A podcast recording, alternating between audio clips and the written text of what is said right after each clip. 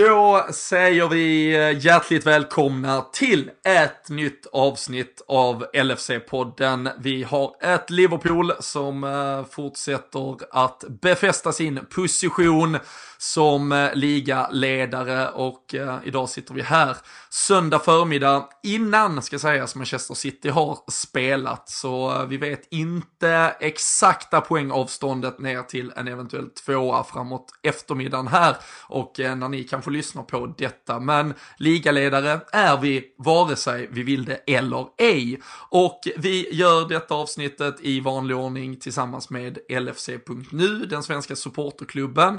Och faktiskt ingen annan. Och eh, så kommer det även att förbli. Vi ska berätta lite mer om det om en liten stund.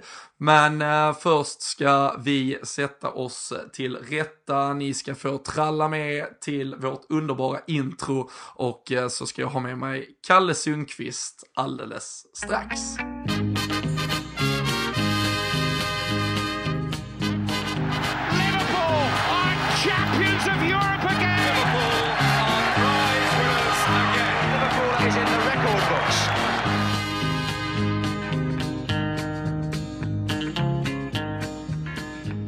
Ja, Kalle, välkommen in i poddvärmen eh, denna söndag där eh, ja, vintern biter sig fast utanför fönstren i alla fall och du tvingas ut i Norrland. Hur fan överlever du?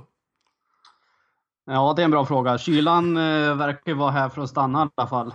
Och vi verkar vara i i tabelltoppen får stanna. Så att, eh, det, man får väl eh, förlika sig med den tanken att det kommer se ut så ett tag framöver, förhoppningsvis. Det, den enda ändringen jag vill ha är väl vädret egentligen. Mm. Och eh, vi eh, från poddens sida har ju trots allt gjort, gjort vårt för att bidra till ett lite varmare klimat, kan man säga så, eh, den här senaste veckan. Lite nyheter från oss eh, tidigare.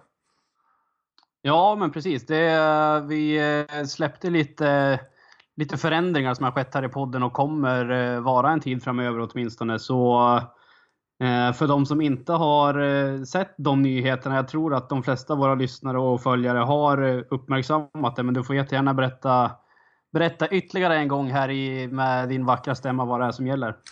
Ja men precis, vi, vi gör en del förändringar. Vi stängde såklart ner ett, ett året 2018 som på många sätt var helt eh, fantastiskt, både, både på planen och utanför planen med Champions League-äventyr i våras, en, en tabelltopp här under hösten. Och eh, vi kunde också konstatera att vi hade producerat 100 avsnitt av LFC-podden, både då i våra fria kanaler på Soundcloud eh, och eh, diverse då eh, spelare där man lyssnar på de vanliga avsnitten. Och sen då även specialavsnitt på podmi.com och um, i allt detta så insåg vi väl också att vi någonstans började närma oss kanske bristningsgränsen i vad vi klarar av att producera samtidigt som man liksom vill fokusera så extremt mycket på det som såklart sker på planen. Eh, det är ju en fantastisk resa vi eh, är ute på här med Jürgen Klopps lag och eh, då har vi gjort som så att vi dels lägger ner våra specialavsnitt i Podmi. Vi väljer att istället så ofta vi kan då producera exklusivt och extra material på våra vanliga plattformar istället som blir öppet för alla och vi stänger helt enkelt ner den här premiumtjänsten där man har kunnat få lite extra, eh, ett par avsnitt varje månad och eh, nu kör vi såklart på här så att alla hinner stänga sina abonnemang i lugn och ro och så. Men vi vi släpper ett eh, om ett par dagar här i januari och sen släpper vi avsnitt i februari. Men eh, vi rekommenderar såklart alla att eh, man då säger upp sina abonnemang nu här och Podmi kommer även att hjälpa till med att se till att ingen går och betalar för något man inte får ut något av så att säga. Ehm, och ehm, i detta, när vi ändå gjorde den förändringen också, så, så tog vi även beslutet att göra våra gratis avsnitt helt reklamfria och eh, framförallt så backar vi upp kampanjen kring spelpaus. Vi eh, känner väl själva att eh, det i och med den här spellicensförändringen som kom kring årsskiftet eh, har blivit eh, liksom än mer eh, dränerande med eh, spelreklam. Man kan inte vända sig åt något håll utan att dränkas i det. Eh, samtidigt som vi såklart inte ska vara moralens väktare och sätta oss på allt för höga hästar här. Men eh, vi hade ju ett samarbete med Redspet. Eh, de jobbar på att lösa sin svenska licens och det ska inte heller vara, liksom, vi tar inte detta beslutet för att ja, de inte längre ville vara med, utan vi hade ju ett eh, samarbete med dem som löpte vidare faktiskt även utan att vi gjorde reklam för dem nu här och Eh, vi hoppas absolut för deras skull och alla skull att de får ordning på sina grejer. Men vi valde ändå eh, proaktivt att kliva ur det. Eh, vi kliver ur alla eventuella samarbeten vi har haft med spelbolag och eh, faktiskt alla andra också. Vi har i alla fall sagt säsongen ut så kommer vi inte göra någon reklam för någon. Vi gör detta tillsammans med supporterklubben. Vi gör det med en viss uppbackning från samdobs.com som hjälper oss med lite schyssta priser och det är ju saker som går rakt ut till er lyssnare och det är inget som vi i övrigt liksom har någon ekonomisk vinning i.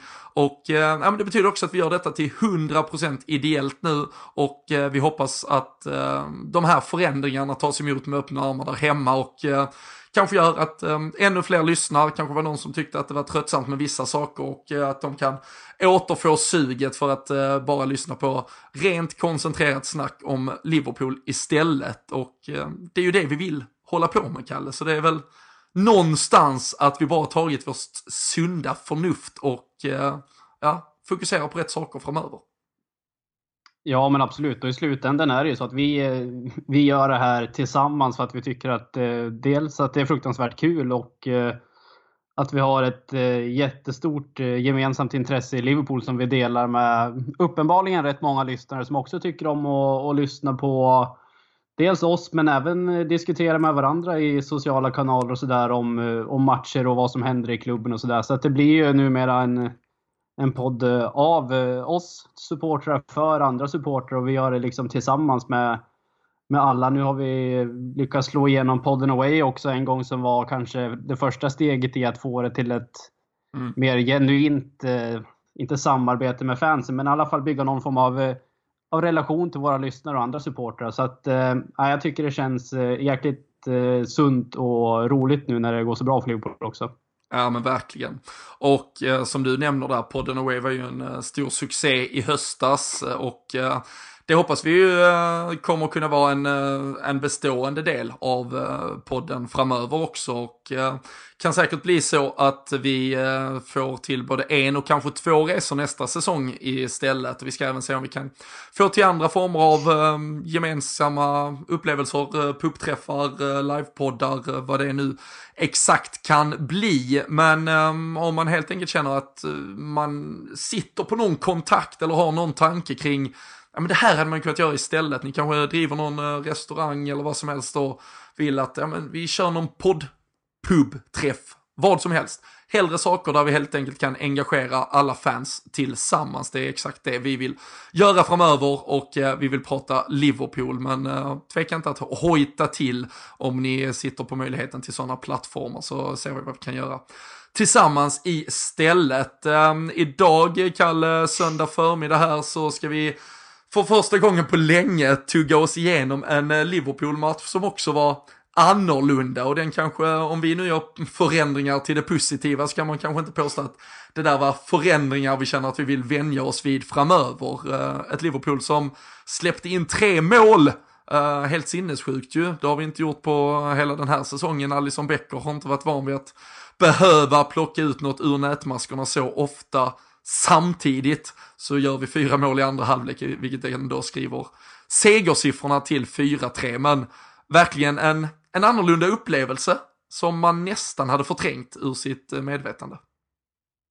Eh, ja, verkligen. Det, det var eh, jäkligt förvånande faktiskt att se hur, hur matchen artade sig. Man hade nästan glömt bort eh, glömt bort hur det kändes och hur det var. Det där var ju vardag för, för, några, för några år sedan. Eh, att vi dels eh, gjorde en jäkla massa mål men även eh, släppte in mycket mål. Så att eh, det var väl kanske dels, ja nu vann vi ju matchen så det var ju skönt, men även skönt att ändå få en liten, eh, en liten tillbakablick på hur det en gång varit och hur bortskämda vi kanske är egentligen med att vi tar eh, komfortabla segrar vecka efter vecka egentligen. Så att nu försöker jag sitta här och hitta någonting positivt med det. det. Bortsett från tre poäng så kanske det inte var jättemycket positivt med matchen. Men eh, vi, eh, vi har blivit lite mer bortskämda med, med resultaten nu senare tid. Så att, eh, senast eh, Allison upplevde något sånt där var väl när han mötte Liverpool kan jag tänka mig. Så att, eh, mm.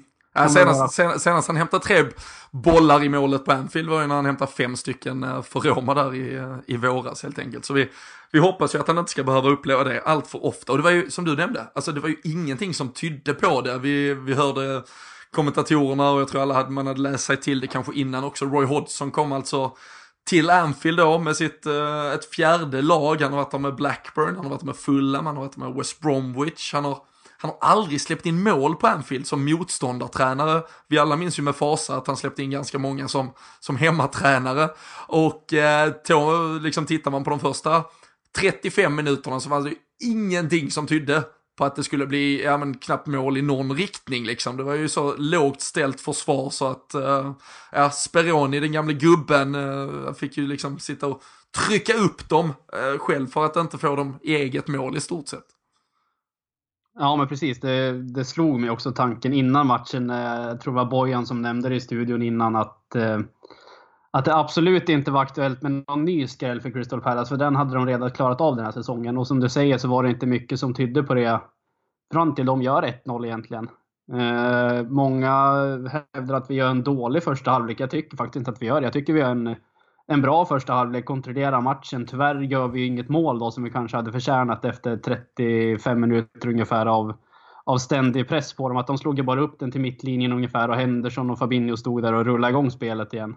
Eh, så det var ett tålmodigt spel likväl som vi har sett de andra matcherna där vi har haft det lite tufft ändå att bryta ner de här lagen. Så att eh, där och då såg det lovande ut och sen eh, lyckas Pallas på något jäkla knepigt sätt spela sig ur en helt sjuk press med jag tror det är fyra gubbar som eh, är runt någon Crystal Palace-spelare där och sen eh, kontrar de och smäller in 1-0 från, från ingenstans. Så då börjar man väl fundera lite grann men sen, eh, sen ordnar det upp sig till slut. Mm.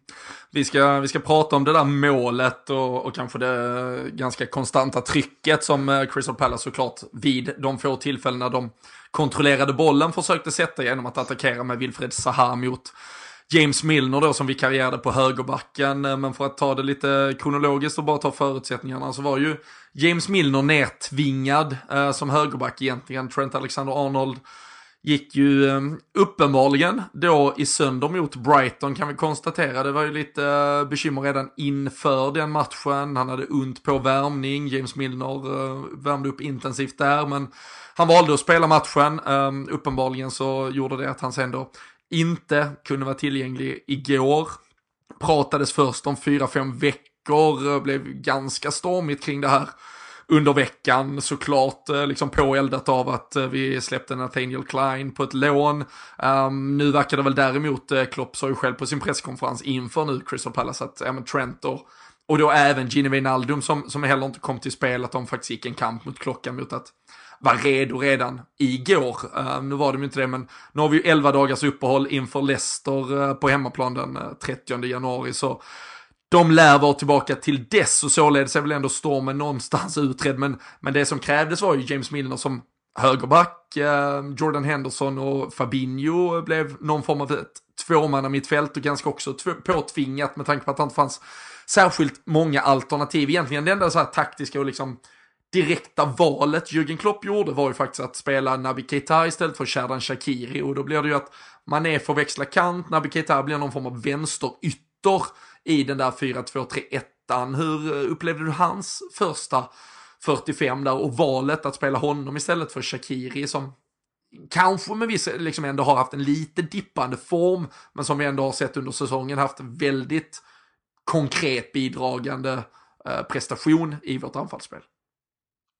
Ehm, ja, det är väl ingen hemlighet. Alla vi har väl riktat kritik mot, eh, mot Keita ganska löpande under säsongen, att han inte riktigt har hittat eh, hittat sin roll i laget. Ehm, nu eh, fick han ju spela på grund av att han hade haft en väldigt bra träningsvecka eller vad det var Klopp sa. Men ja, jag var lite skeptisk till, till att han spelade och blev väl ännu mer skeptisk när man såg, såg honom spela. Jag blev inte riktigt klok på honom faktiskt. Var, vad som händer. Jag tror han har, han har kommit in i det helt, eh, helt enkelt. Och att ha honom ute till, till vänster där, som blev hans utgångsposition nu igår, det tycker jag inte är, är det optimala sättet att utnyttja honom. Jag vill ha honom som en central spelare i banan som kan driva upp bollen och liksom vara den här eh, kreativa spelaren. Och, och det har vi inte sett eh, alls i Liverpool tyvärr. Så att, nej, jag håller med dig att Shakiri har haft en liten dippande form ända sedan vi åkte ut mot Wolves i FA-cupen egentligen. Den matchen var han ju jäkligt blek också bortsett från, från den där frisparken han hade som höll på att leda oss till ett omspel som nu, tacka gud, inte blev av. Men eh, nej, eh, jag tror du hör ungefär vart jag, vart jag kommer någonstans. Ja, och jag tycker, jag tycker det jag tycker är ett problem när vi väljer den, den typen av uppställning också är att vi Ja, men det blir lite du dubbeldåligt någonstans. För jag tycker, dels tycker jag att Shakiri som, som en offensiv del av, om vi ska kalla det ändå, eh, 3-1, liksom ändå fyra offensiva spelare, så tycker jag att han individuellt är bättre än Naby Keita just nu. Han funkar bättre i laget dessutom. Och sen i detta läget så tvingade jag över Sadio Mané på högerkanten. Där vi då dels hade då en vikarierande James Milner som kanske hade behövt lite mer hjälp än vad han fick. Och jag tycker Sadio Mané är sämre som högerytter än vänsterytter. Det ser vi, alltså hans mål han gör i andra halvlek. Han kommer igenom mycket mer när han flyttas över till vänsterkanten i andra halvlek. Så det blir liksom, ja, vi får, liksom, vi får, ja, minus och minus. Det blir tyvärr inte som i matematikens värld där det blir plus till slut, utan det blir bara bara lite dåligt faktiskt. Och vi slängde ut på Twitter i paus också eh, om fansen där hemma och våra lyssnare fick plocka av någon. Um, då var det ju Naby Keita också, 63%. Jordan Henderson, eh, 32%. Um, ehm, och där eh, tycker jag, jag har ju läst uh, vad du skrev om det och vad du tyckte och tänkte och jag håller med. Han gör ju egentligen inget dåligt alls tycker jag. Sen kan man tycka att det var överflödigt med två centrala, ganska sittande spelare, Jordan Henderson och Fabinho, men vad fan hade vi för val egentligen med tanke på skadesituationen och han håller ju faktiskt igång spelet väldigt bra för en gångs skull tyckte jag under första halvlek. Absolut, och som du säger, det, det fanns inga andra medel att göra en förändring egentligen än eh, i det läget vi var, än att byta ut Keita och sätta in, eh, sätta in Shakiri. Eh, vi förde en diskussion igår tillsammans i chatten som vi har och där lyftes det vissa röster på att vi skulle byta ut Henderson, men det tyckte jag absolut inte att vi skulle göra. Jag tycker Henderson gör en, eh, faktiskt en jäkligt bra match igår. Jag har kollat på den idag igen, framförallt andra halvlek. Och Henderson är en av de spelarna som hela tiden i 90 minuter ändå driver på. Uh, han får mycket skit för att han liksom har uh, kanske ett uh, lite långsamt bolltempo och flyttar bollen för långsamt. Men i ärlighetens namn gör han en riktigt bra match. Han smäller in de där smällarna som behövs, liksom sätter ribban för laget som absolut inte Keita gör. Han är livrädd för att sätta dit fötterna. Jag förstår inte vart den... Eh, alltså det han visade upp i Leipzig, det var ju nästan fara för att han skulle dra på sig alldeles för mycket röda kort, att han var för aggressiv. Men jag ser nästan aldrig han gå in rejält i en, i en situation. Så att Henderson gör en jäkligt bra match tycker jag. Sen, eh, sen kan man absolut lyfta röster på saker som kan göras bättre. Men eh, med det vi hade att tillgå igår så finns det, fanns det tyvärr inga andra, andra förändringar att göra än att sätta in Shakiri. Och ja, det... Nej, jag tycker, jag tycker han är en jäkligt bra match.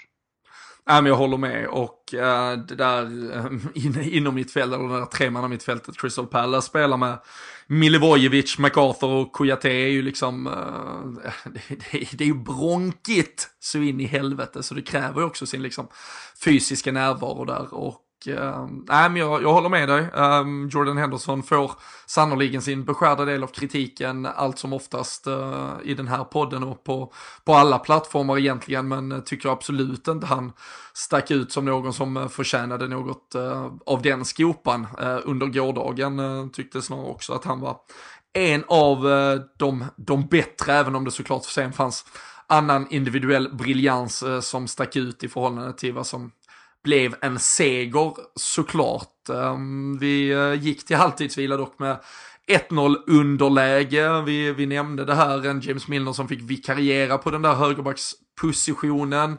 Jürgen Klopp hade ju pratat inför matchen om att han, han såg Milner som ett liksom fullgott alternativ där han vill så ofta som bara möjligt ha James Milner i startelvan har han pratat om med sin närvaro, sin rutin. Han är beredd att liksom kanske egentligen då offra lite, alltså vad gäller den bäst anpassade för positionen, bara för att ändå få in honom i det här laget. Eh, och eh, Wilfried Zaha utnyttjade ju det i första halvlek, även om vi ska komma in på en andra halvlek där James Milner kanske var den som utnyttjade att Wilfred Zaha inte däremot är så defensivt eh, stabil, men eh, underläge på Anfield, eh, det var man inte heller så, så van vid och det var splittrade känslor man verkligen gick till pausvila med.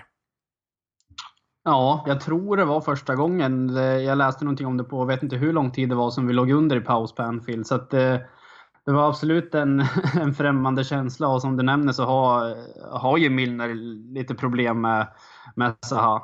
Eh, därav så smäller han på honom två gånger och lyckas eh, ryka förr eller senare i matchen. Eh, sen till hans försvar så är det ju han som... Eh, alltså det är Zaha som tappar Milner egentligen också på, på Salas mål där också. Så att eh, han fick lite revansch där, men eh, jag håller med dig om att han, eh, han hade det lite tungt. Och jag förstår Klopps tanke också med att få in honom med med hans rutin och ändå arbetskapacitet och ständiga vilja att bara kriga på. Sen kan jag tycka att det många gånger blir att man tar det enkla och slänger in kanske Milner istället för Shakiri när man skulle vilja skapa någonting mer. Så att eh, det ligger nog någonting i det där att han vill ha honom på planen så ofta som möjligt. Hur tyckte du, hur upplevde du det här med att just Zaha liksom utmanar endast honom så allt deras offensiva spel kom på den där vänsterkanten. Var Liverpool lite naiva inför att det ja, blev det faktum man nog borde ha förutsett. Det var ju även då med en Joel Matip innanför sig som, som nyss var tillbaka från sin skada och Ja men ett, ett med, med, med en mané framför sig som gjorde att han lämnades lite för ensam kanske. Hade Liverpool inte riktigt gjort läxan på, alltså har vi blivit så pass bortskämda med att vi inte riktigt behöver tänka på hur vi ska försvara i en sån här match, tänker jag? Nej, det, det, tror jag inte att vi har, men däremot så, så tror jag de är väl medvetna om eh, vad, vad Zaha är för typ av spelare. Jag personligen tycker att, och jag läste även din krönika tidigare på förmiddagen här idag på LFC.nu, att han är den, en av de absolut bästa spelarna utanför topp 6. Och på de dagarna han har sin, eh, sin höjd så är han absolut kanske till och med en spelare för för topp 4 där han kan gå in i, gå in i några lag. Så att det, det, är ingen hemlighet att han, eh, han har liksom höjder i sig som, som kanske inte så många andra spelare har. Eh, och att han då ställs mot Milner, det är väl kanske ett drömscenario för honom egentligen. Att han kan få ut, utmana honom som kanske inte är så jäkla kvick. Och till, liksom, till hans eh, hjälp ännu mer ändå så har han Matip innanför sig, precis som du nämner. Men att vi hade liksom bortsett från tanken på eh, att, eh, att Zaha skulle kunna utmana Milner, det tror jag inte. Utan det, det var bara så att han, han är jäkligt bra och Milner kanske inte är den, den spelare som ska spela där egentligen. Men jag har egentligen svårt att tro att kanske Trent hade gjort det så mycket bättre. Han har också haft problem mot den typen av spelare många gånger. Leroy Sané bland annat, till exempel. Ja, men till exempel. Det är så skickliga mot en ja. spelare som kan ta bort en, liksom, en kroppsfint egentligen. Så att Ja, jag, jag tycker inte att vi ska måla ut Milner till något form av, eh, någon form av offer för att han eh, liksom eh, tappar sig helt och hållet. För att det, det är eh, bra många etablerade högerbackar som gör det i Premier League också. Ja. Äh, men det, och det håller jag helt med om. Jag tycker James Milner gör det eh, alltså, tillräckligt bra vad man kan förvänta sig av honom. Sen tycker jag att kanske understödet är lite lite felbalanserat ibland. Vi, vi glömmer nog bort det lite på övriga spelare, att man kanske bör tänka lite, lite extra. Jag och Fredrik satt ju här i, eh, inför den här matchen och pratade om att Fabinho gjorde det så bra som mittback eh, mot eh, Brighton och att han skulle kunna vara ett alternativ för att faktiskt behålla, även om det då pratades om att Matip var ju tillbaka i truppen den gången bara och nu pratades om att han såklart skulle vara spelklar. Ehm, nu kanske det också återigen, vi går tillbaka till liksom ett, ett mittfält som krävde att Fabinho spelade där eftersom vi var nere på ganska låga nummer, vi hade inte så många alternativ kvar. Men um, Joel Matip eh, stärkte kanske inte sina aktier matchen igenom. Nej, det, det gjorde han väl kanske inte. Sen eh, första matchen tillbaka från skada eh, har inte spelat jättemycket fotboll den här säsongen heller. Eh, men långsiktigt så ser man ju absolut inte Fabinho som någon defensiv lösning. För att det, den kommer ju lösa upp sig snart när, när Gomes är tillbaka. Sen har han gjort det bra de matcherna han spelade där bredvid van Dijk. Och nu vart det ju precis som du säger att vi hade inte så mycket alternativ eh, än att spela honom på mitten där, där han hör hemma. Och han är en nyckelspelare på ett mittfält tycker jag absolut. Sen eh, att Matip kanske hade hade några beslut som man borde ha fattat lite bättre med i, i, i anslutning till deras mål. Eh, sen ska man inte glömma bort att Matip, han, senast han egentligen spelade, om jag inte missminner mig, så var det mot Napoli när han, mm. Eh, han skadade sig. Och då hade han faktiskt en jäkligt bra match tycker jag. Han var, han var riktigt bra den matchen. Eh, sen att komma tillbaka nu och kanske inte vara lika bra, det är väl ungefär det vi får förvänta oss av honom. Eh, han är ingen eh, extremt eh, bra back och det har väl liksom blivit mer och mer tydligt sen, sen van Dijk kom in. Det fanns ju en tid då Matip var exemplarisk tyckte man, men det, det har man ju insett att det är han ju inte. Ja, jag kan inte sätta mig i den båten. Jag har varit uh, Matips största fiende sedan han, uh, sedan han kom. Uh, han, har inte fått, han har aldrig fått mitt förtroende. Men uh, nej, och självklart ska man uh, ta höjd för att han uh, var tillbaka nyss från skada och uh, nog också faktiskt, även om såklart Liverpool gör en analys av de faror som väntar så så tror jag någonstans en bekvämlighet smyger sig in. Man tänker inte tanken på att det finns en risk att man faktiskt släpper in tre mål längre i en hemmamatch. Alltså hur naivt det än låter.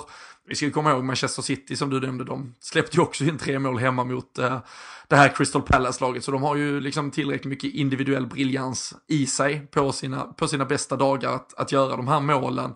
Men um, jag tror att det kanske gör att ja, men som mot Napoli när vi leder med 1-0, då, då, har ju, då har vi ju en, en hel approach till att det här ska försvaras. Igår när vi har en approach att vi ska bara göra mål, vi ska attackera, vi ska spela offensivt. Så mm, där tycker jag, jag tycker ju att Joel Matip ibland är lite, lite lat i både sitt sätt att spela och sitt sätt att tänka och eh, den här typen av match eh, passar honom så illa egentligen, där det liksom böljar plötsligt lite i vissa sekunder, för då, då är han inte med alls. Men eh, vi eh, ska ju såklart längre fram i, i ett senare avsnitt prata upp eh, nästa match där mot Leicester och då får vi väl se hur mittbackssituationen ser ut när vi eh, tittar på vilka alternativ där i så fall finns. Eh, efter paus eh, så hann man knappt sätta sig till rätta, Kalle. Det var, stod man fortfarande och tappade upp en öl eller fyllde på chipskålen så fanns det risk att man absolut missade 1-1 och kanske till och med 2-1. Eh, det gick undan där, eh, Mohamed Salah petar först eh, dit den och sen så får Roberto Fabinho lite sådär skön studshjälp eh, som behövs ibland och så eh, borras den in och eh, plötsligt är det 2-1. Eh, hur eh, gick eh, tankar och känslan när vi då ändå vänder det så snabbt efter att man kanske suttit 15 minuter i pausen och liksom börjat måla upp skräckscenario och att allt plötsligt skulle gå åt helvete? För mig personligen vart att man kunde pusta ut lite grann. Det jag var orolig för att det var att det skulle löpa på, att vi skulle ligga under med 1-0 fram till ja, låt oss säga 70 minuten och då bli jäkligt pressad att först och främst kvittera men sen eh, hänga dit en kasse till för, för att vinna. Men eh, assistkungen van Dijk verkar ha varit i, i eh, farten igen. Han har ju en tendens att göra mm, lite halvmärkliga, viktiga assist eh, numera. Så att det, det är ju ett turligt mål vi får dit på, på första målet också med Salah egentligen, att bollen ens eh, kommer fram till honom där. Och precis som du nämner att eh, Firmino har eh, också lite tur med sig i studsen, men det är, det är sånt som... Det låter ju klichéartat. Bra lag har tur, eller? Ja, men å andra sidan har vi, vi har 71 bollinnehav. Vi spenderar mer eller mindre hela matchen på deras planhalva och studsar inte med en förr eller senare då så... så alltså det kommer göra det förr eller senare. Nu händer det att vi har det två gånger på några minuter bara, men... Eh, ja, det, man drog en lättnadens suck där. Ja, ja men verkligen. Och eh, ja, men jag, var, jag, jag, var i situationen att jag, jag hade inte hunnit sätta mig riktigt när, när Salah petar in eh, 1-1 där och liksom det blir ju en, en svår känsla, alltså man är inte riktigt van vid det där eh, jagandet. Burnley var väl senast när vi då låg under i, i paus visserligen, eller vi låg under med 1-0 och, och tvingades vända matchen i alla fall. Och här var det såklart väldigt, väldigt skönt och framförallt för att slippa den här jag tror att det här Liverpool-laget inte stressas jättemycket av det. Framförallt så spelarna som Firmino, Mané, Salah, de... Vi pratade om det i förra avsnittet, att de... Ganska, alltså på ett positivt sätt är de ganska naiva till uppgiften. Alltså jag tror inte det, det bekommer inte dem jättemycket ifall det är 70 minuter eller 7 minuter kvar. De vet att ja, men vi har nog ett mål i. Alltså det, de har en väldigt skön och avslappnad attityd till det. Uh, men uh, Anfield tror jag inte i det här läget. Uh, sidospår så hade vi ju dessutom en, en inbjuden 104-åring, han hade väl varit supporter i 96 år och Klopp hade personligen bjudit in honom. Han var vi ju verkligen på väg att sätta på akuten med hjärtinfarkt kan jag tänka mig och Anfield är ju inte vana vid längre då att behöva vara så stressat och pressat. Och den här känslan som lätt hade säkert kunnat infinna sig på läktarna åtminstone, var väldigt skön att slippa. Ehm, dels gick det ganska snabbt där i andra halvlek och sen även när vi får 2-2 emot oss. Uh, jag och Fredrik pratade förra veckan om att vi inte släpper in hörnor nu för tiden. Vi har bara släppt in ett nickmål på hela säsongen. James Tomkins kom högst här och gjorde 2-2, men, men även där tar det inte det tar liksom inte för lång tid för oss att få in 3-2. Så det är ju ett Liverpool-lag som svarar på ett helt annat sätt. Kan du hålla med om det och att vår offensiv någonstans lite skiter i vad som sker runt omkring dem nu för tiden? Ja, men det är absolut min känsla också. Det, det har ju spelarna pratat om också i, i både intervjuer och vissa spelare är ganska flitiga med att göra uttalanden i, i media och sådär fast de egentligen inte borde. Så att det, det är ju någonting som jag tror, precis som du nämner med den här upplagan till Liverpool, att det finns kanske ett, ett större lugn och liksom att det, det finns ett tålamod i truppen. Att vi vet att fortsätter vi spela så här nu i ja, en match nu i 90 minuter så kommer vi skapa tillräckligt med lägen för att göra mål. Och har man de tre spelarna där framme som eh, det är ytterst sällan någon av dem går mållös från, eh, från någon match så kommer vi alltid att skapa lägen och göra mål. Även fast det ser hopplöst ut emellanåt som det, som där kunnat göra. Uh, och det du nämner är att de, att de kanske nästan skiter i vad som händer runt omkring dem. Ja, det, jag tror det kan vara så att det, de, uh, jag ska inte säga att de gör, kör, sin eget, kör sitt eget race, men alltså det, kommer alltid, det kommer alltid uppstå lägen för dem och de vet om det också. Så att jag tror att det infinner sig ett lugn i truppen som, som det kanske inte har funnits tidigare. Ja, nej, verkligen. Och eh, nu eh, noterades ju alla i målprotokollet eh, av de där tre längst fram. Och Mohamed Salah eh, fortsätter på eh, verkligen fantastisk eh, formtopp här. Nu toppar han ju skytteligan i egen majestät, 16 mål, Aubameyang och Harry Kane har 14. Han har gjort 9 mål och 3 assist på de åtta senaste matcherna. Och han visar sig vara så där viktig som vi, ja, som vi kanske måste ha honom eh, de här 16, eller 15 nu återstående matcherna.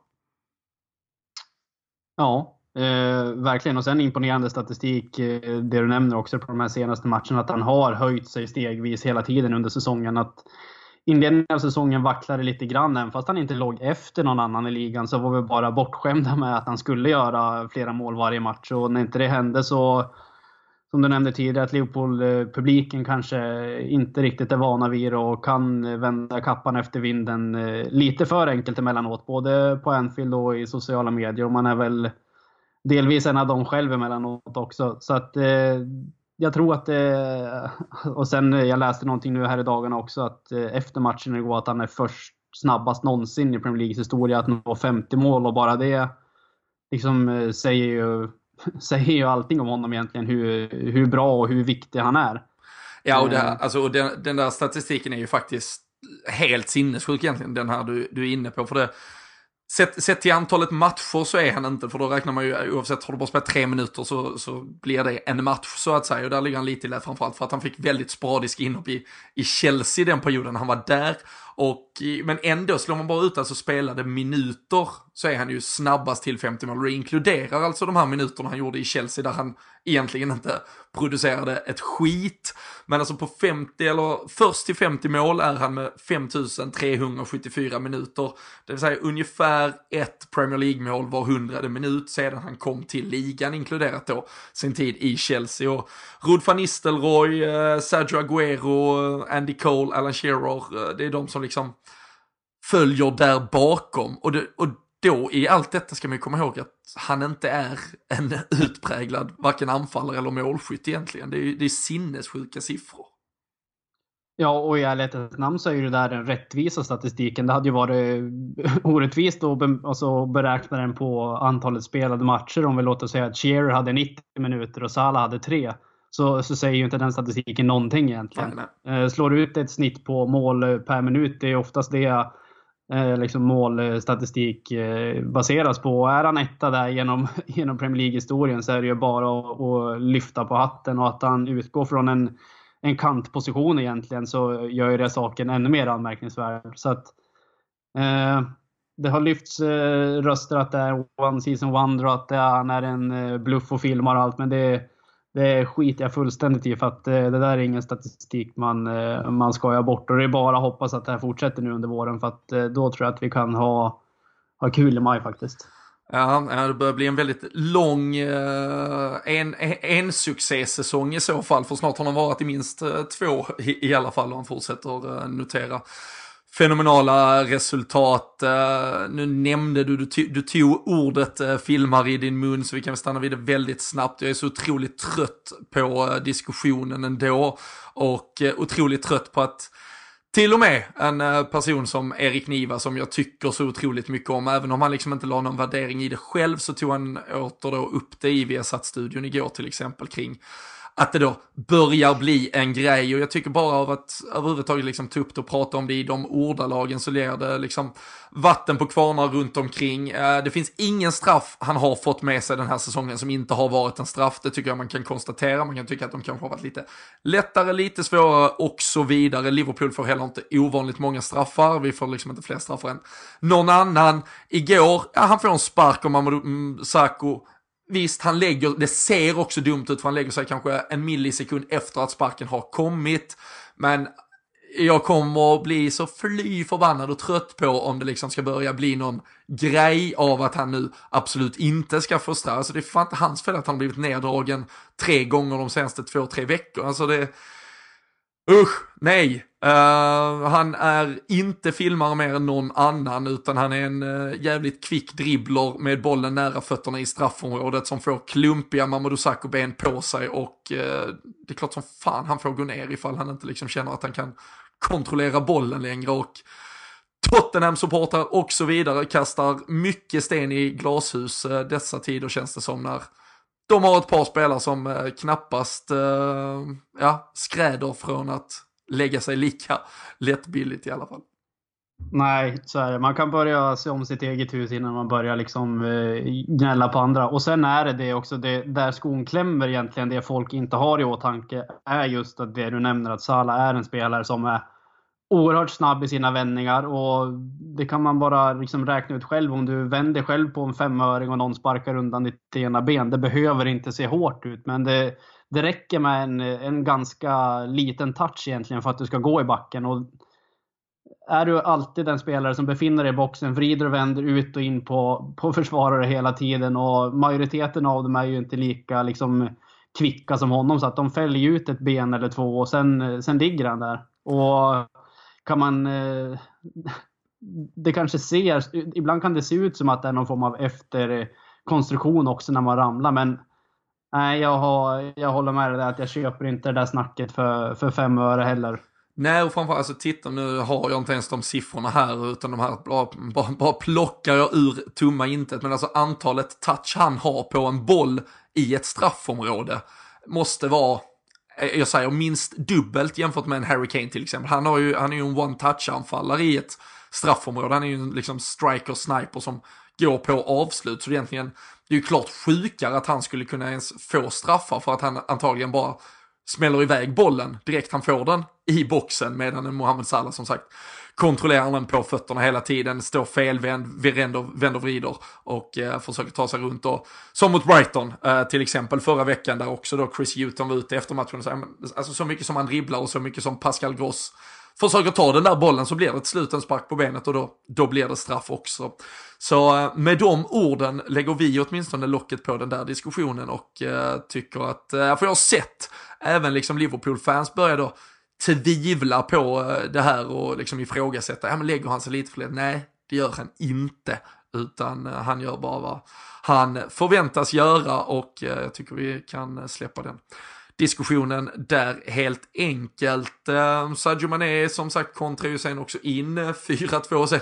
Sen lyckades det bli lite spännande ändå, Kalle. där var ju även i och för sig Sadio Manés mål efter att James Milner hade blivit utvisad. Men det var verkligen en sån där match där ja men, huvud, ja men huvudena var inte alls med Liverpool-spelarna. Det vi har berömt dem så mycket för den här säsongen där vi kanske, ja men har vi släppt in ett och vi i alla fall visat styrka och liksom balanserat och strukturerat vänt det i lugn och ro. Har vi gjort ett, ja men då har vi kontrollerat det. Här var verkligen, äh, återigen, det där gamla Liverpool som spelar väldigt huvudlöst och inte alls kontrollerade saker och ting runt omkring sig. Äh, ska man börja, var det en engångsföreteelse eller ska vi börja tro att det finns risk att det ser ut så här nu när nervositeten kryper in? jag hoppas att det var en engångsgrej. Jag tror att det var det också att eh, jag tror många av spelarna var tagna av stundens allvar. Det var eh, ja, men dels eh, Milners eh, utvisning, den kom ju ganska sent i matchen. Men om man börjar med att vi har dominerat matchen i, i 35 minuter egentligen och de har eh, nästintill aldrig varit på våran planhalva och så kommer 1-0. Där kan jag tänka mig att det börjar spöka lite grann och sen eh, går vi upp till 2-1 och så blir det 2-2 ganska enkla misstag på alla mål vi släpper in egentligen. Och jag kan tänka mig att för varje mål vi släpper in och för varje chans de skapar så, så kan det börja spöka ännu mer.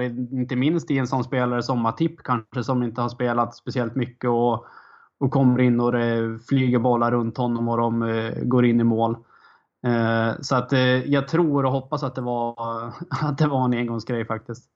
Mm. Ja, det, Eftersom inget annat är bevisat i alla fall så tycker jag vi, vi, vi stannar vid den uh, konklusionen uh, just nu i alla fall. Och ehm, um, ja, men som sagt, alltså ett Crystal Palace som, som den här gången framförallt så som matchen artar sig just fick möjlighet att utnyttja de här individuella, eh, alltså ändå prestationerna och individuella kvaliteterna de har. Wilfred Sahas fart fick de använda, James Tomkins nickar in ett ja, men ett riktigt mittbacksmål. Eh, de är ju stora och stabila där, där bak liksom. Och sen så är det ju en, en icke-chans egentligen i, i 95 minuten. Och sen eh, varför John Moss höll på att liksom, eh, tugga upp matchen till 96,5 eller vad fan han till slut landar på. Det är ju liksom Ah, en, en insats i sig jag inte ens orkar diskutera för jag kommer att börja må riktigt eh, dåligt igen antagligen. Men eh, det var väldigt många eh, saker och som sagt skador i Liverpools lag som, som ställde oss på, på stora prov och jag tycker,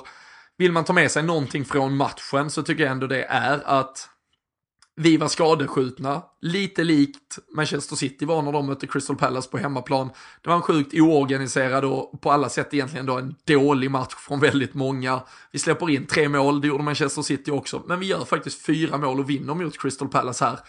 I en match som då Manchester City, återigen för att ändå likställa oss mot vår titelrival, inte vinner. De förlorar den med 3-2 och man kan väl hoppas någonstans att det där är skillnaden på, på våra säsonger och Crystal Palace, ännu ett lag vi då har mött båda gångerna denna säsongen. Ett lag som tidigare är det laget som faktiskt vid två av fyra förluster på Anfield för, för Liverpools del under Jürgen Klopp har, har varit laget som har varit våra övermän och ja, men ett buggy-team på så sätt. Nu är de ur världen. Um, återigen, Manchester City ska till Selhurst Park och, och det där är ju ingen jävligt rolig match att spela, kan det ska sägas. Att Crystal Palace ställer till det för ganska många faktiskt. Det gör de absolut och det, det som förvånar mig egentligen är att inte det går bättre för dem. Jag tycker att det är ett lag med egentligen genomgående etablerade Premier League-spelare som ska göra det bra. Och att man ska ge Hodgson liksom eh, hylla honom. Dels för att de lyckas spöa, spöa City, men även att de eh, nästan eh, knäpper poäng av oss också. Att jag blir lika förvånad egentligen varje gång att de inte, att de inte är bättre. Det, de, eh, ja, de har jäkligt bra spelare, men sen är det ingen hemlighet att, eh, att de absolut kan ställa till det för lag också. Det har vi, har vi sett många gånger mot oss. För, för mig var det personligen matchen mot Crystal Palace 13-14. Det var där det sket sig för mig helt och hållet egentligen. Det var då man gav upp titelstriden. Många tittar tillbaka på... Även om det matematiskt inte hade hjälpt att vi vann den matchen trots allt. Nej, nej men det var då det var liksom ja. mer definitivt att ja, fuck nu, nu är det kört. Och som du säger, att det har varit ett, ett bogey-team för oss. Så att, eh, ja, så deras, med deras ingångstanke till matchen också så är det inte superenkelt att, att spöa dem. Liksom 71% bollinnehav till oss, fine. Det, det är mycket 19 avslut på mål, men de sitter jäkligt djupt med alla egentligen utom Ayu som kanske befinner sig någonstans i mittcirkeln ungefär. Ja. Och att det sen skapas eh, på deras kontringar när vi både har Milner och Robertson jäkligt högt upp i banan för att liksom försöka komma runt på, på kanten. Och då när de kan ställa om på dels Townsend som är jäkligt snabb, de har Zaha som är skicklig en mot en och så har vi halva vårt lag offensiv planhalva. Då, då kan man åka på sån där nita som, som 1-0 målet var ungefär. Så att, eh, de, eh, de kan ställa till det rejält för lag. Ja, och det känns ju som att de är med och det kan man ju titta med tanke på, ja, de gjorde ju bra mot de har gjort det bra egentligen spelmässigt mot, mot oss i, eh, i båda matcherna. De uh, gjorde det bra mot Arsenal uh, hemma på Sellers Park. De uh, vann som sagt mot City borta. Jag tror de spelade 0, de tog en kryss i alla fall mot United tidigare under säsongen på Old Trafford. Visserligen då ett United ledd av José Mourinho, men de har ju ett lag som nog är lite mer anpassat för att möta kanske då lite bättre lag på pappret. För som sagt, deras mittfält är ju knappast något kreativt mittfält som, som står för allt. Men de är inte, blir inte jättebekväma när de blir alltför bollförande och spel, alltså när de ska styra och diktera villkoren. Men som i den här situationen med 29% boll och där egentligen 90% av all boll sätts rakt ut på en kontrande ytterspringare. Då har de ju kvalitet som sagt och det är väl det de har eh, visat här. Så vi får hoppas att de kanske kan bli en, en viktig del eh, ändå för Liverpool i eh, den här eh, titeljakten. Och eh, som vi eh, börjar lite med när vi pratar James Milner och Wilfred Zaha. Och eh, för att kanske stänga igen boken kring Julian Speroni, eh, den här ja, 39-årige tredje målvakten som tvingades in mellan stolparna så var det kanske ändå Milner, trots att han blev uppsnurrad, trots att han fick ett rött kort, så stod han kanske ändå för det viktigaste när han använde ytan där bakom Saha och, eh, vad ska vi kalla, lobba in den, ja, tvek. Märkligt mål. Man försöker, de säger ju nicka, nicka i backen brukar man ju säga, så att bollen studsar. Han skjuter den ju i backen så att den studsar och Speroni missbedömer den eh, helt och hållet. Så att, Eh, Eh, vi får väl tacka honom också för att han kanske inte har, var så jäkla varm i kläder. Och man såg ju på honom också, han var ganska bedrövad efter det hade hänt. Så att, eh, det, det tackar vi för. Och en fantastiskt fin boll av Fabinho också får man inte glömma som, eh, som ligger bakom den där till, till Milner. Så att, eh, det är bara lyfta på hatten och tacka. Mm. Ja, det är ju egentligen alltså alla de tre första målen. Visst, Firminus det är ju liksom en, en, ett skott i straffområdet som får lite touch. Alltså det, det ser vi väl ändå ganska ofta. Men snacka om eh, medstuds på egentligen alla de där tre första målen. Eh, Van Dijk skott som är på väg att gå sju meter utanför och istället blir en perfekt assist till, till Salah och sen då Milners eh, tilltrasslade situation som Salah också sen bara kan, kan peta in. Eh, så eh, ja, det blåser uppenbarligen eh, medvind på Anfield och kring eh, Liverpool i alla fall. Och eh, 4-3 skrevs det till som sagt till slut. Max Meyer fick ju in eh, en, eh, en sista reducering där i som sagt 95 minuten. Och eh, nu eh, är eh, Manchester City alldeles strax när vi sitter och spelar in detta på väg ut för match mot Huddersfield på bortaplanet.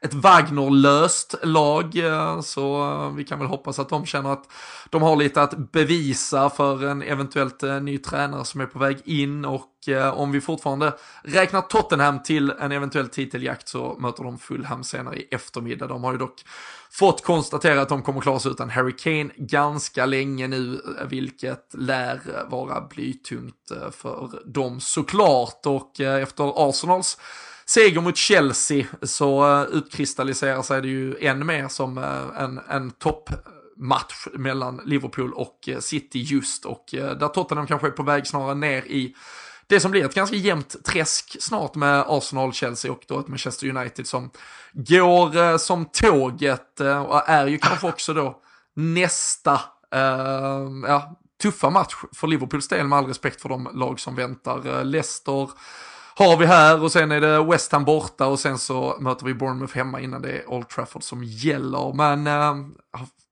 är det så känslan är, kallat nu är det fan Liverpool, Manchester City, head to head resten av säsongen?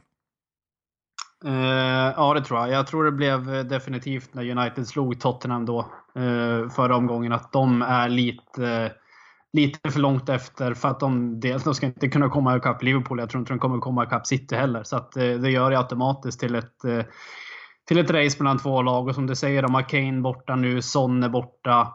Eh, Cissoko var skadad. De har sålt Dembélé även fast inte han spelade jättemycket. Så att de har inte supermycket alternativ heller att tillgå. Så att eh, de får väl förlita sig på att Llorente hänger dit några kassar nu då.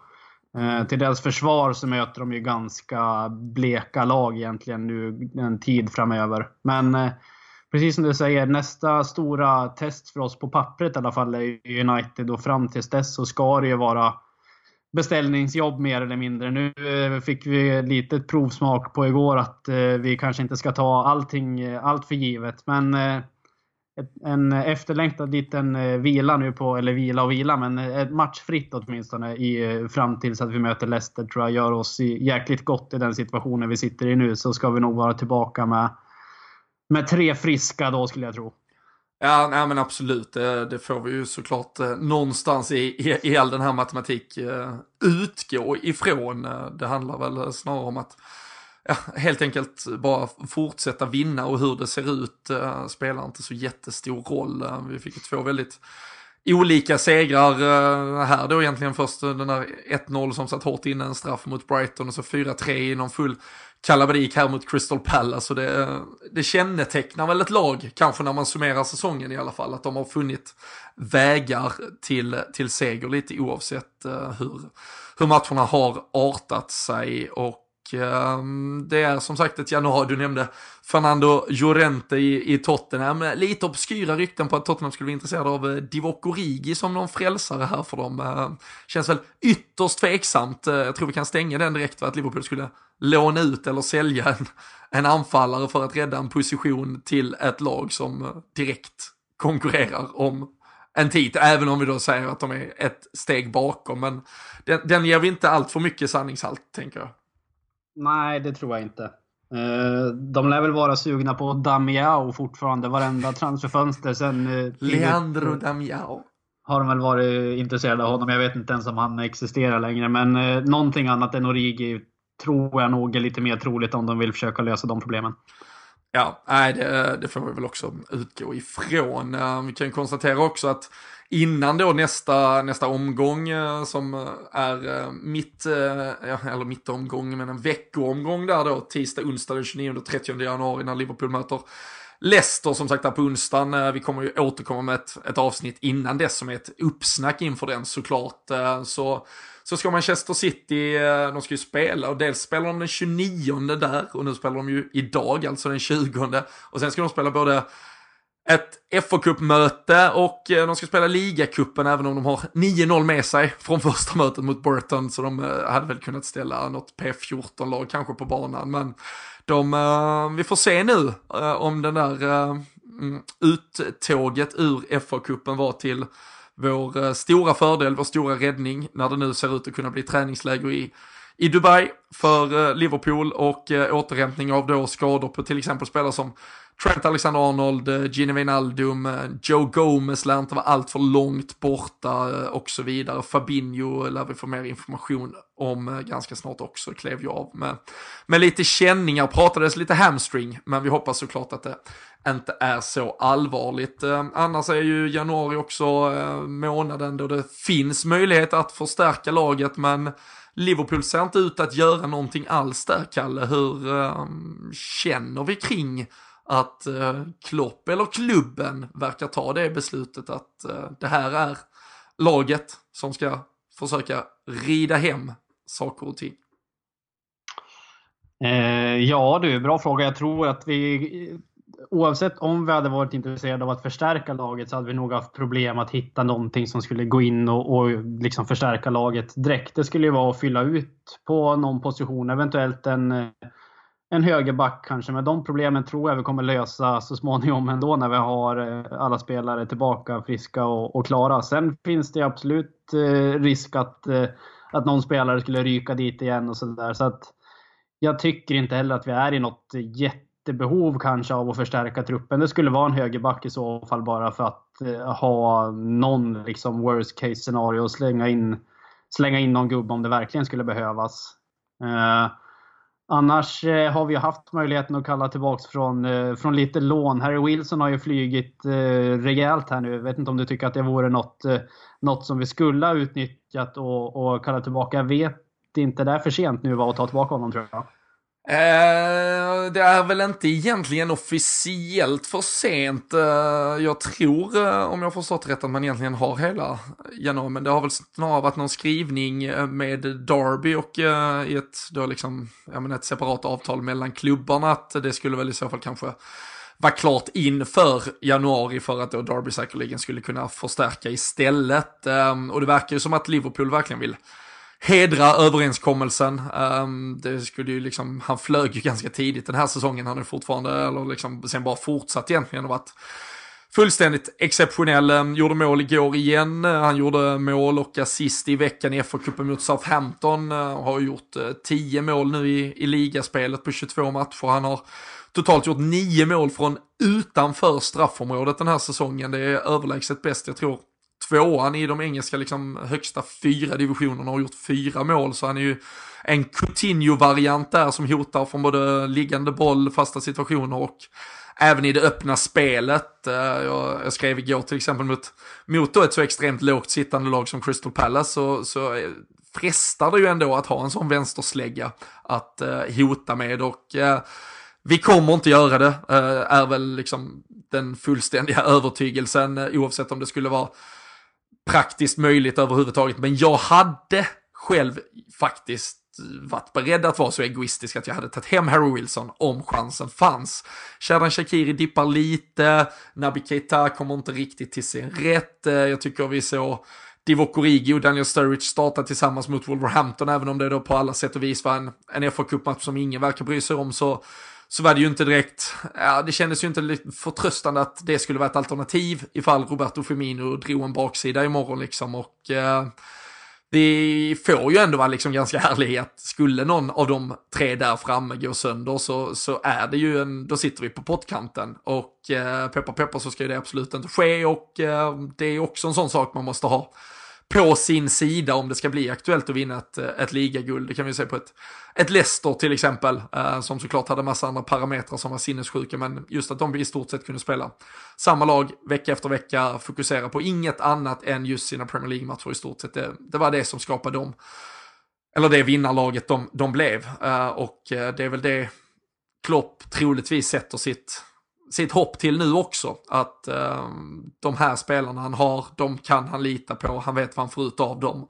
Och med ett ganska behagligt matchande framöver så kommer de kunna göra detta helt enkelt. Så vi tror väl inte det sker något i alla fall. Um, på tal om Harry Wilson så har vi ju ett avsnitt uh, på Podme, ett av de här sista vi producerar på vår premiumkanal som är på väg ut uh, om ett par dagar där vi grotta ner oss i alla de utlånade spelarna som eh, befinner sig på alla möjliga obskyra orter och där får man eh, mer snack om eh, just Harry Wilson så det kan man ju hålla utkik efter. Men eh, annars så förväntar vi oss väl som sagt bara ett, ett glatt Liverpool som publicerar massa smöriga bilder från Dubai nu, Kalle, så man kan sitta och kräkas lite i ett hörn en vecka typ.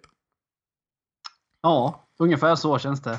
Eh, sen tycker jag, tycker jag det känns ganska skönt ändå att vi får, eh, får eh, lite, lite spelledigt. Dels behövs det för truppen, men även eh, tycker jag att det kan kännas lite skönt att kunna slappna av ett tag nu och bara mysa av eh, det faktum att vi är eh, ligaledare hela den här månaden ut i alla fall och i början in på, på februari. Så det får vi glädja oss åt. Eh, sen eh, tycker väl jag kanske lite tvärt emot dig där med att få tillägga att vi inte ska kalla tillbaka Harry Wilson. Jag tycker vi ska låta honom eh, flyga hela, hela våren i, i Derby. Jag tror inte han hade fått spela speciellt många minuter i, i Liverpool varken Premier League eller, eller Champions League. Så att det är ju det som inte kan... spelar någon roll. Vi ska vara sådär egoistiska och bara ta in honom ändå ifall vi behöver honom. Jag förstår, jag, förstår, jag förstår din tanke. Jag tycker vi ska låta honom uh, dels uh, få speltid för att det är det, det han är i, i behov av. Och sen så får vi se honom flyga i Liverpool nästa säsong istället. Nej, du har uppenbarligen ett mycket godare ska, hjärta än vad jag har. Jag ska, in och, jag ska in och lyssna på Podme om inte annat och se hur ni reder ut eh, alla andra lån där. Så får vi se hur vi tar itu med dem. Så att det, det råder jag alla andra till att göra också. Ja, men det, det låter väldigt bra. Um, kan eh, konstatera, jag sitter och spanar lite i um, spelschemat som väntar här. Citys uh, nästa match i ligan är mot Newcastle borta. Uh, tog en väldigt viktig seger. Rafa Benitez får vi hoppas att han tänker på var han har släkten så att säga inför det där mötet. Och sen möter de Arsenal eh, därefter och Arsenal såg ju för en gångs skull bra ut här mot Chelsea eh, också i helgen. Så eh, nej, vikten av att eh, få det överstökat mot de där lagen som eventuellt kan ställa till det, även om man såklart ska ha respekt för alla här, är stor nu och eh, vi eh, hoppas såklart att vi fortsätter uh, utöka ledningen i tabelltoppen istället. Nu ska vi uh, hålla lite helg eh, och uh, nästa är ju som sagt spelledig så vi återkommer inför Leicester-matchen. Håll utkik där eh, ett par dagar innan och eh, så släpper vi som sagt poddmin-avsnitt i veckan och eh, på våra sociala medier så kan ni alltid följa med i snacket och ni kan även där då läsa mer om vårt beslut att ta spelpaus och vara helt reklamfria säsongen ut. Så hörs vi snart igen och så får du ha en härlig söndag, Kalle. Tack detsamma. Tack.